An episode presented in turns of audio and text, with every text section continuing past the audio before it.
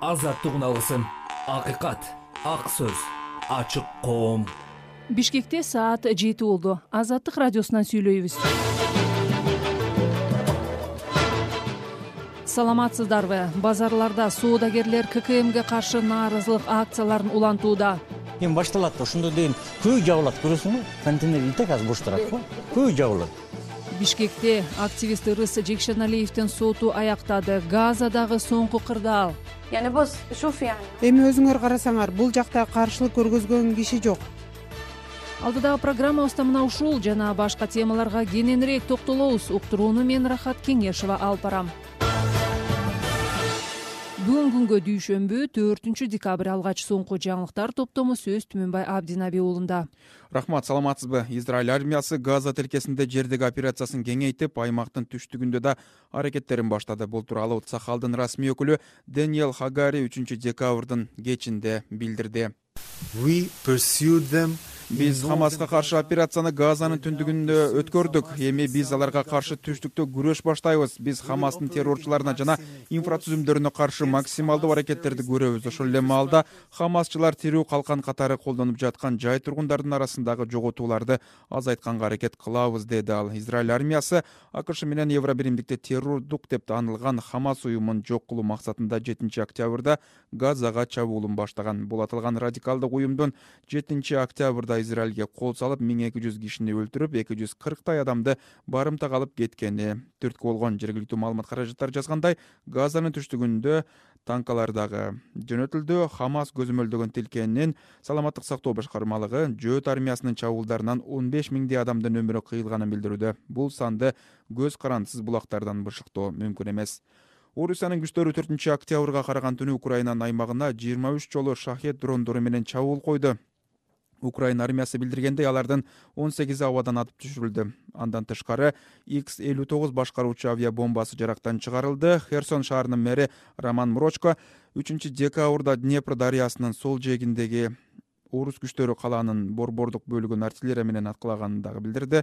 Соккулардын бири көп кабаттуу үйгө тийген шаардагы эки медициналык мекеме дагы аткылоого дуушар болгону кабарланды. Маалыматка караганда эки карапайым тургун абут болуп жетиден көп киши жараат алды. Украинанын куралдуу күчтөрүнүн башкы штабы авдеевка купянск лиман жана шахтерск багыттарында айыгышкан салгылашуулар уланып жатканын билдирди. Соңку беш суткада алтымыш сегиз кагылышуу катталды кыргызстанда соода сатык менен алектенген ишкерлерди текшерүүгө жана айып пул салууга жарым жылга мораторий киргизилди. Бул тууралуу азаттыкка мамлекеттик салык кызматынын төрагасынын орун басары исламбек э, кыдыргычев билдирди. Мындай чечим бишкектеги жана башка аймактардагы базарлардын соодагерлеринин көзөмөл кассалык машинелерди колдонууга каршы нааразылык акцияларын иликтөө үчүн президент садыр жапаров түзгөн жумушчу комиссиянын жыйынында кабыл алынган жарым жыл түшүндүрмө иш только так түшүндүрмө иш келет түшүндүрөбүз. Элдер көнүшүш керек. Пока элдер көнүп үйрөнүп эметкенче эч кандай айып пул болбойт текшерүү да болбойт. Жогоркуда жетекчилик э, айтып жатат. Эгерде ал жетиштүү болсо ал мораторий дагы узартылат кыдыргычев андан тышкары отуз миң көзөмөл кассалык машинелерди сатып алып ишкерлерге бекер таратып берүү тапшырмасы берилгенин кошумчалады. Кыргызстанда базарларда соода сатык менен алектенгендер жаңы жылдан тартып ккмди милдеттүү түрдө колдонушу керек. Ишкерлер мунун түйшүгү көп экенин билдирип соңку бир аптадан бери жер жерлерде нааразылык акцияларына чыгып жатышат. Өкмөт салыктык эрежелер өзгөрбөй турганын түшүндүрүү иштери жүрөрүн айтууда улуттук коопсуздук боюнча мамлекеттик комитеттин төрагасы камчыбек ташиев жалал абад шаарында эл менен жолугушууда кыргызстанда коррупция кадимки көрүнүшкө айланганын белгилеп мындан ары мамлекеттик кызматка баюу максаты менен келгендер болбой турганын айтты.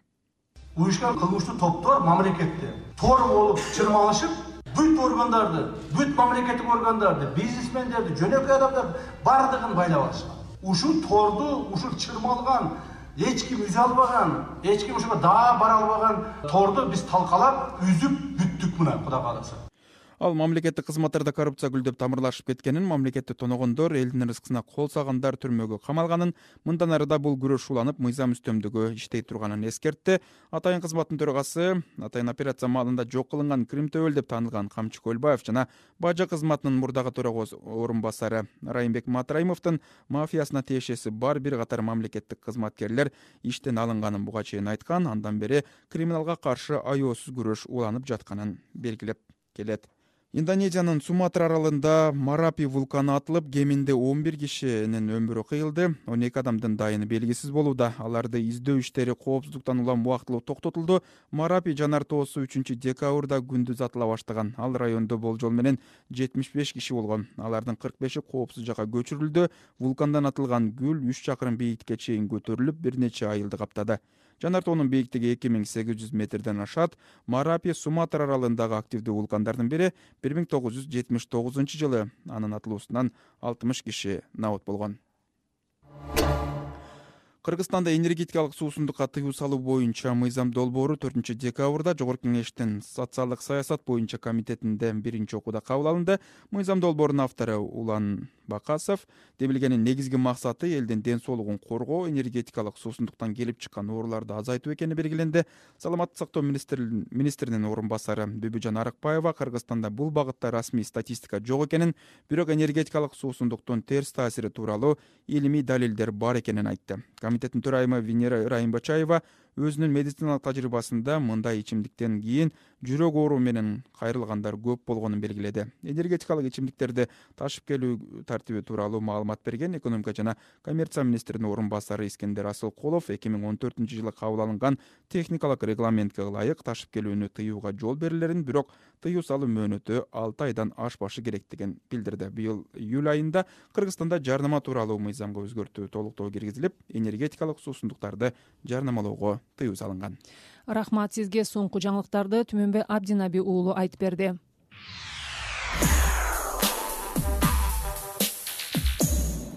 программабыздын макала баяндар бөлүгүнө өтөбүз эми кыргызстандын базарларындагы соодагерлер ккмге каршы нааразылык акцияларын улантууда. Бүгүн төртүнчү декабрда бишкектеги дордой моторс базарындагы соодагерлер чыгып патент системасын калтырууну талап кылышты. Базардагы соодагерлердин нааразылыгынан кийин президент садыр жапаров атайын комиссия түздү. Кесиптешим токтосун шамбетов ири дордой базарына барып соодагерлердин үнүн угуп келди дордой миллиондоп акча айланткан бизнесменден тарта. Эптеп күнүмдүк нанына тыйын тапкан миңдеген адамдар тиричилигин өткөргөн ири базар. Ушул күндөрү соодагерлерди жаңы салык саясаты санаага салып бири бири менен сүйлөшкөнү да талкуулаганы дагы ккм системасы. Базарга кирчү биз өткөндө мурда вообще мындай чыксак төлөйбүз элүү сомдон каждый день чогултуп кетчү. Азыр бизден чыгасыңбы чыкпайсыңбы айга бир жарым миң төлөп коесуң ушундай болуп калды да өткөндө жыйында да эмнени айттыр жыйында ошо бир жарым миң төлөйсүңөр дептир дагы налоговыйга үйүнөн жасап келген чай чебеңин саткан гүлнар эже мурда базарга кирген үчүн элүү сом берсе эми чайчылар дагы салык төгөөрүн айтып жатат. Сиз төлөгөнгө даярсызбы? Каякта соода жок биздики так мына карызда калат клиенттерде деле соода болсо берет болбосо жок биз кээде өзүбүздүн акчабызды чыгарбай кетип калабыз кээде вообще. Биз деле күнүмдүк баарын сатып алабыз да кээде мисалы вообще акча жок. Кетип калабыз. Мына клиенттерде деле соода болсо берет болбосо бизден карызга ичип кете беришет. Демейде камерадан качкан соодагерлер журналист экенибизди угуп бийликке үнүбүздү жеткирип берсеңер деп чогулуп жатышты.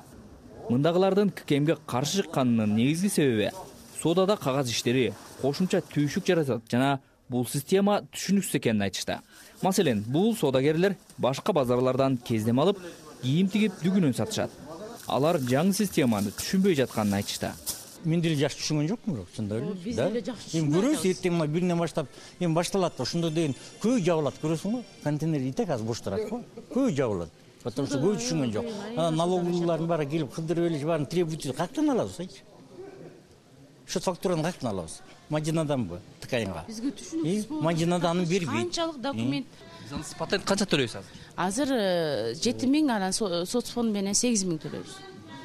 Ккм болсо канча сом төлөп калат экенсиз э, ошону да жакшы билбей атабыз да. Биз например мен биз э, лучше бизге патент деле даже два раза кымбаттатса деле бизге жеңил болгон чем көп документтерди даярдаганга карагандачы биз спокойно акча төлөп иштегендер.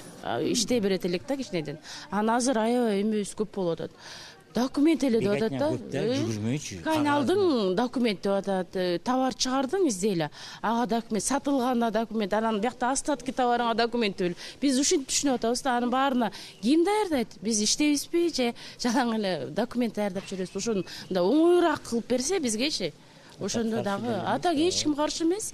Биз беришибиз керек экен каждый вещигечи шет фактура берет экенбиз анан мен ал жагын даже түшүнбөдүм. Бир э, мешокко например товар алганда. Бул эжеден беш серия алат менден үч серия алат тиги контейнерден эки серия алат. Каждый вещиге счет фактураны кантип көргөзүп өткүзүшөт адамдар. Анан андай нерсени ыңгайсыздык жаралганда уже биздин жана казак кардарларыбыз өзбек кардарларыбыз вообще келбейт. Россиядан тем более келбейт анан ошентип могу дордой базардын соодасын жоготуп алабыз да өзү. Акыркы жылдары соода улам солгундап дордойдун алтын доору аяктап баратканын айткан рахат зирекова базардан байыгандар салыктан качып жатат деген дооматтарга жооп берсем деп сөзүн баштады. Бул сөздү жазгандын баардыгы дордойдо иштебеген бюджетте иштеген. Дордойдун жашоосун түшүнбөгөндөр жазып атышат да дордойдо баягы баары эле акчаны күрөп алып аткандай сезилип атат. Бул убагында болгон соода. Андан кийин соода начар азыр келип турушсунчу биз жыргаганыбыздан отурабыз ушу сууктачы завод фабрика иштесе иштейт элек. Мен өзүм эки высшее образованный медикмин. Ушул жерде какшап отурам отуз жылдан бери. Россияда иштеп келдик бул жерде иштедик рахат зирекова салык соодагерлердин соода жүгүртүүсүндөгү суммадан эмес таза кирешесинен алынса туура болмок деп эсептейт. Мына каргодан товар алабыз э эми ал жерден э, госпошлина төлөнөт экен андан алып келип биз биз төлөйт экенбиз. Биз э, саткан оптовиктер төлөйт экен. Э, биздин ошондо биз ар бир товарыбызга эми кошобуз да баардык нерсени кошобуз акырында келип жөнөкөй эл кыйналат кымбат сатып алат мына аренданы расходду полный чыгаргандан кийинки бизге калган набардан биз налог төлөшүбүз керек туурабы? Андай болбойт андай эмес биздин келген товардан остаток товардан полный ошондон калат деп түшүндүрүп атышат а так билбейм. Мисалы эми сиз э, ошо эки контейнерден калашынча сатып бирок жети миң сом төлөп койгонду аз деп ойлобойсузбу мен соодам ошого жараша болот да бизде бир эле патент эмес да бизде. Охрана бар аренда бар бала чака багыш керек. Э, жол киребиз ичип жейбиз. Биз э, бар жогун төлөп атпайбызбы?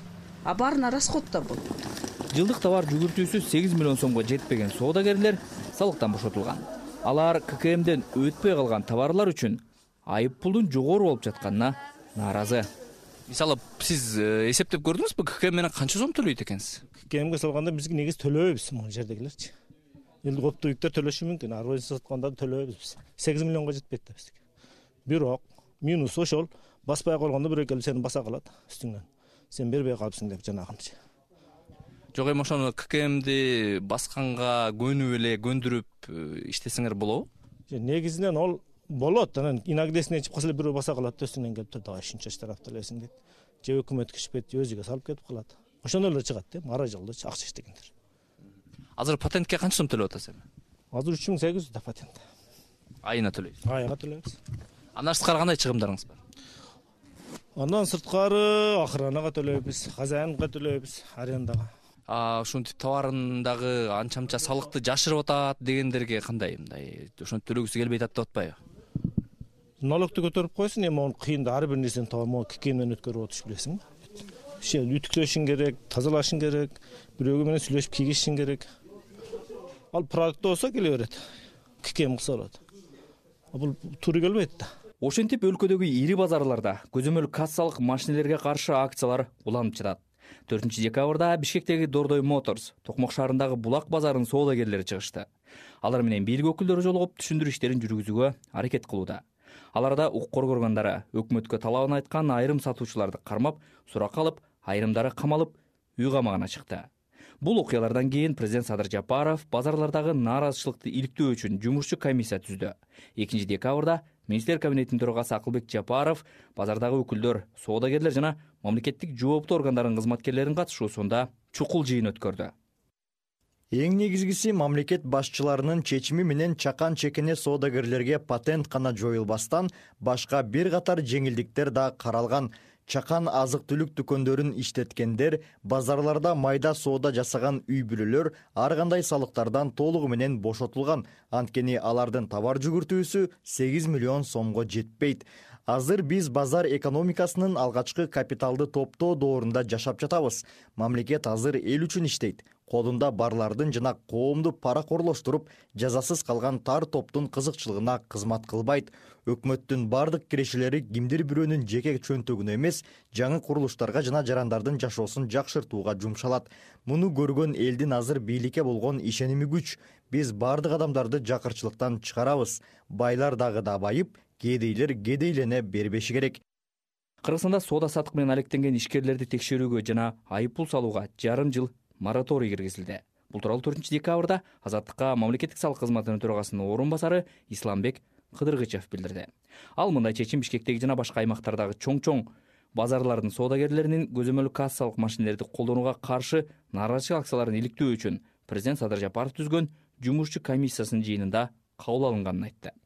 Кыргызстанда базарларда соода саттык менен алектенгендер эки миң жыйырма төртүнчү жылдын биринчи январынан тартып ккмди милдеттүү түрдө колдонушу керек бийлик бул система кирсе көмүскө экономиканын үлүшү азая турганын билдирип келет. Токтотун шамбетов амантай шакиров азаттык күндүн дагы бир жаңылыгына келсек эми бүгүн төртүнчү декабрда бишкектин биринчи май райондук соту активист ырыс жекшеналиевди толук актап ага коюлган баардык айыптарды алды.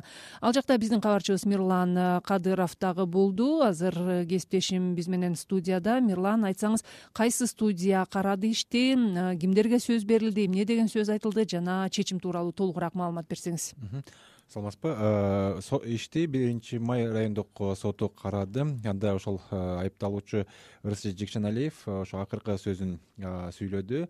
Ошол акыркы сөзүн сүйлөп жатып мыйзам алдында күнөөсүз экендигин жана өлкө башчысы садыр жапаровдон жана укмкнын төрагасы камчыбек ташиевден кечирим сурагандыгын кайра кайра баса белгилеп айтып жатты. Ал ошол мыйзам алдында эч кандай бир катачылык кетирбегендигин Э, ал эми ошол өлкө башчыларынын э, астында ушу кандайдыр бир күнөөлөрү болсо кечирим э, ырайым беришүүнү дагы кайра кайра белгиледи буга чейин коюлган прокурордун дагы айыптарына макул эместигин айтты. Анткени ошол буга чейинки он алтынчы ноябрдагы соттук отурумда прокурор аны жети жылга эркинен ажыратууну суранган. Ал эми ошол ырыс жекшеналиевдин акыркы сөзүнөн кийин ошол кеңешүүдөн кийин ошол биринчи май райондук сотунун судьясы мирбек сатаров өкүмдү окуп ошо жогоруда белгилегендей буга чейинки коюлган айыптардын баарысын ошол алып аны толугу менен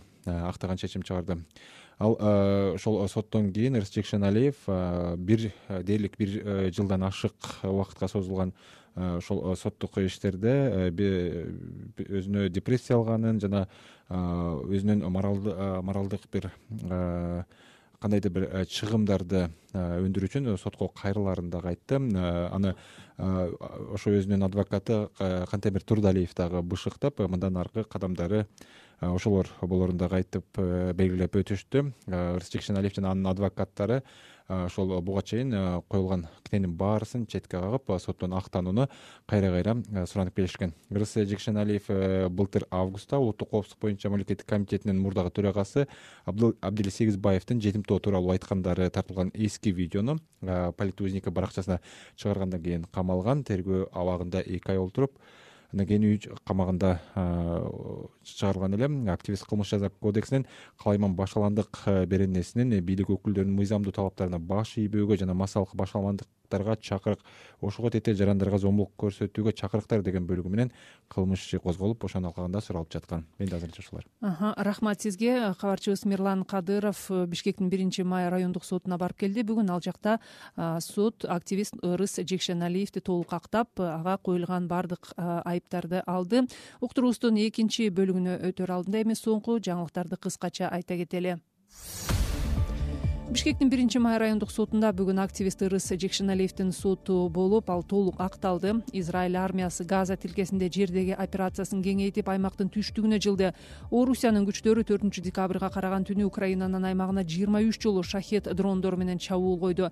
Индонезиянын суматра аралындагы марапи вулканы атылып кеминде он бир кишинин өмүрү кыйылды. Кыргызстанда энергетикалык суусундукка тыюу салуу тууралуу мыйзам долбоору жогорку кеңештин социалдык саясат боюнча комитетинде талкууланып биринчи окууда кабыл алынды.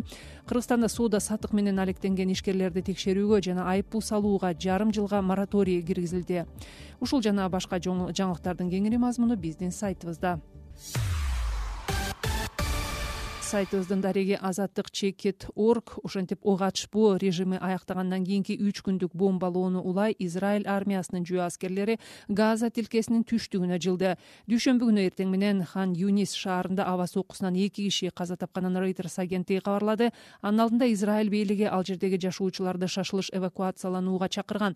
Палестинанын маалымат каражаттары өткөн ишемби жекшемби күндөрү качкындар лагерлери ооруканалар бомбаланганын жазышты. Айнура жекше кызы кененирээк айтып берет рейтерс кабар агенттиги маалымдагандай төртүнчү декабрда газанын түштүк бөлүгүндөгү хан юнис шаарында израилдик аскерлердин бомбалоосунан эки киши каза тапты бир турак жай талкаланды.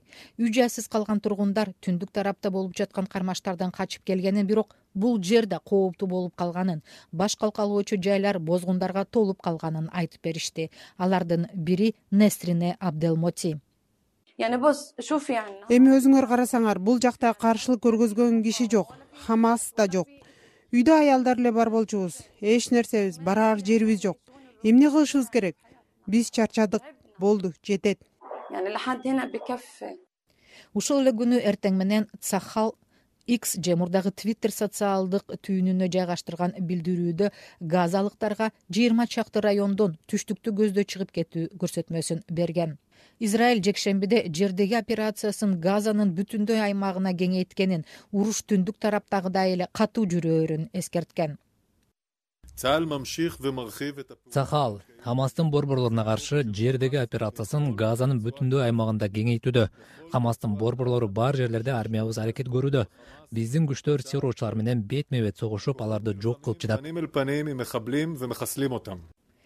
деп айтты израиль армиясынын маалымат катчысы даниэл хагари. Жөөт армиясы тилкенин жакын жашоочуларына келтирилген зыянды азайтуу үчүн коопсуз зоналарды аныктаганын айтканы менен улуттар уюму жана жергиликтүү тургундар интернет менен электр энергиясы үзүл кесил берилгендиктен буйрукту аткаруу кыйын деп эсептешет.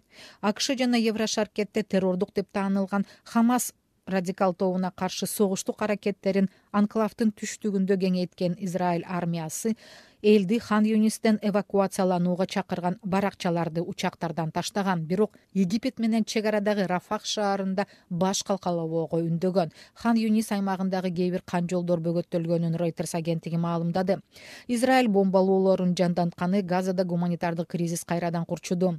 Хан юнистин четиндеги качкындар лагери эки миңдей кишиге эсептелсе ал жакта сегиз миңдей киши баш калкалап жатат бир аптага созулган ок атышпоо макулдашуусу соңуна чыккандан кийин анклавка жеткирилген гуманитардык жардам азайды.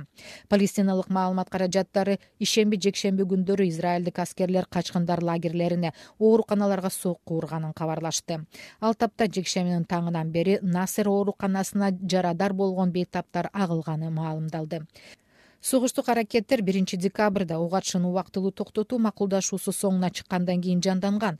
Бир аптанын ичинде хамас радикал тобунун барымтасынан жүз беш киши бошотулуп израиль өз түрмөлөрүндө отурган эки жүз кырк палестиналыкты кое берди. Цахал ишембиде жоочулар он жети аял менен балдарды барымтадан чыгаруудан баш тартканын бул буга чейин улам узартылып келген келишимдин бузулушуна алып келгенин билдирген. Бирок хамас радикал тобу баардык аялдар менен жашы жете элек балдарды бошотконун газада ок атуу токтомоюнча туткундарды айырбаштоо болбой турганын айтууда. Хамас көзөмөлдөгөн тилкени саламат сактоо министрлиги жекшембиде тараткан маалыматка ылайык согуш жүрүп жаткан эки айда он беш миң төрт жүз киши набыт болду. Израиль согушкерлер кол салган жетинчи октябрдан бери бир миң эки жүздөй киши каза тапканын эки жүз кырк чакты киши барымтага алынганын билдирген. Айнура жекше кызы прага кыргызстандык окуяларга келсек эми кайрадан бүгүн төртүнчү декабрда кыргызстанда манас эпосунун күнү белгиленип жатат. Буга байланыштуу бир катар иш чаралар өтүүдө. Улуттук филармонияда миң мектеп окуучусу бир учурда манас айтты. Кабарчыбыз максат жангазиев манас эпосу заман талабына ылайык санарип дүйнөсүнө кантип көчүп жатканы тууралуу баяндайт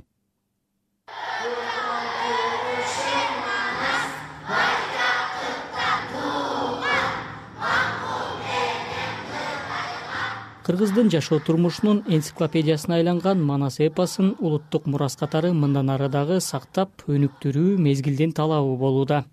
Көркөм мурасты санарипке өткөрүү аракетин көрүп жаткандар дагы бар. Бүгүнкү иш чараны уюштуруучулардын бири манасчы нурбек талантбеков жаңы муун үчүн атайын манас эпосу боюнча логикалык тиркеме иштелип жатканын айтууда. Анын айтымында бул тиркеме манас эпосундагы каармандар тууралуу эле эмес андагы жер суу аттары тарыхый жерлердин аталышы боюнча да даярдалып жатат. Биз азыр кыргыз улуттук манас театры мисалы башка жанагы викториналык оюндар бар. Мисалы жыйырма сом элүү сом салып ойнойсуң кандайдыр бирдеңелерде упай топтогондон кийин өзүңө ошону беш эсе арттырып байгасаң болот. Ошол тиркемени биз иштеп компания менен бердик кудай буюрса. Атайын дизайнер турган балдарга байкелерге алар иштеп атат. Биз бир жыл бир жарым аралыгында ушул тиркемени иштеп чыгып элге сунабыз элге жеңил болот. Кызыктырабыз бонус беребиз ушундай кызыктуу оюн болот да.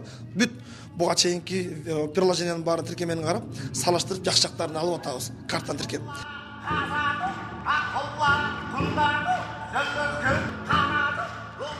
буга чейин өлкөдөгү манасчылар манас эпосунда камтылган маанилүү жалпы адамзаттык накыл ойлорду жана баалуулуктарды заманбап аудиторияга айрыкча жаштарга жеткирүүнү көздөп келген.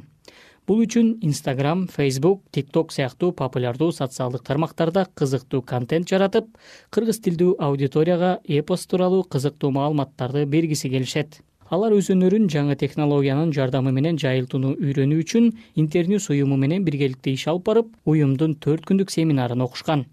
Анда кыргызстандын баардык аймактарынан келген манасчылар үчүн стратегиялык пландаштыруу медиа сабаттуулук смм жана мобилография боюнча сабактар өтүлгөн. Интерньюста кыргыз тилдүү медиаларды өнүктүрүү боюнча координатор максуда айтиева долбоордун максаты манасчылык өнөрдү жаңы платформаларда даңазалоо деп билдирди ошол элдин э, баалуулуктары маданий коддору ушунун баардыгы манаста бар. И аны менен бөлүшүп биз аны билсек өзүбүздү өзүбүз тааныганга бул чоң нерсе чоң э, башка элдерде жок э, мүмкүнчүлүк деп билебиз. Демек манасчылар манас боюнча өздөрүнүн контенттерин жаратып таратканы бул эң сонун деп билебиз биз колдойбуз белгилүү манасчы самат көчөрбаев манас эпосу жандуу айтуучулугу менен айырмаланган өнөр болгондуктан басылып чыккан китептер кр коду менен болсо деген ойдо. Биз эң ириде бүгүн жаш муундарга манасты жеткизишибиз керек. Сөзсүз түрдө замандын талабын эске алуу менен санариптик э, заманбап ыкма менен ааламтордун тили менен жеткизсе бир мындан да жакшы болот эле. Кыскача үзүндүлөрүн китепчелерге тексти менен кошо кр коду менен тиркеп кичинекей китепчелерди таратсак. Анан аудио китептерди. Ал эми экинчи маселе кыргыз тилинен башка тилдерге дагы которулуу маселеси бүгүн өзгөчө актуалдуу болуп турган учуру. Эр сайышка киргенде манас атайлап кызга зыян келтирбей аяп аны ээрден жеңил түшүрүп тынчтык жолу менен өзү менен алып кетүүгө аракет кылат. Бирок ишенчек манас сүйгөнүнүн планы таптакыр анткени менен манас эпосун жаңы муунга жеткирүү үчүн колдон келген аракетин кылып келген маданият өкүлдөрү жана ыктыярчылар бар маселен тентек анимациялык студиясы манас эпосунун негизинде эки сезондон турган он сериялуу мультсериал иштеп чыгышты.